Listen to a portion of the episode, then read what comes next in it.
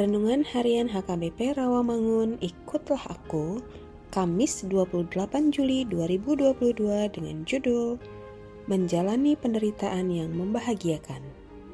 Bacaan kita pagi ini tertulis dalam Yakobus 3 ayat 1 sampai 10 dan bacaan kita malam ini tertulis dalam 2 Samuel 18 ayat 1 sampai 21. Dan kebenaran firman yang menjadi ayat renungan kita hari ini ialah 1 Petrus 4 ayat 19 yang berbunyi, Karena itu baiklah juga mereka yang harus menderita karena kehendak Allah menyerahkan jiwanya dengan selalu berbuat baik kepada pencipta yang setia. Demikian firman Tuhan. Sahabat ikutlah aku yang dikasihi Tuhan Yesus. Setiap orang pasti memiliki penderitaannya tersendiri Penderitaan itu bagaikan bayangan yang selalu mengikuti ke mana pun. Jika orang menderita karena kesalahan atau diundang sendiri, misalnya sakit karena tidak memperdulikan kesehatan, itu adalah hal yang wajar dan harus dijalani. Lalu, bagaimana penderitaan yang terjadi bukan karena kesalahan sendiri?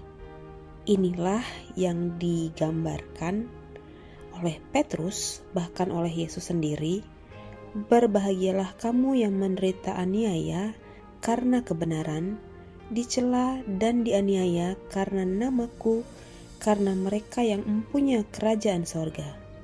Menjadi orang Kristen bukan hanya sekedar karena mengikuti dogma dan ibadah semata, melainkan karena keberanian dan kerelaan untuk mengikuti derita seperti yang dijalani Yesus. Berani dan rela menderita karena iman dan kebenaran menjadi satu bagian bukti mengikut Kristus. Kalau seseorang berpikir hidupnya menderita karena iman, padahal penderitaan yang dihadapinya adalah penderitaan yang sama dengan orang yang bukan beriman, apakah hebatnya? Apakah upahnya? Tidak ada, karena yang tidak beriman pun menderita seperti itu juga, dan mungkin lebih tangguh daripadanya juga. Namun, kita yang terpanggil untuk berjalan bersama dengan Kristus, mengikuti jejak Kristus, adalah orang yang mengalami penderitaan tambahan karena harus menyatakan kebenaran. Sahabat, ikutlah aku.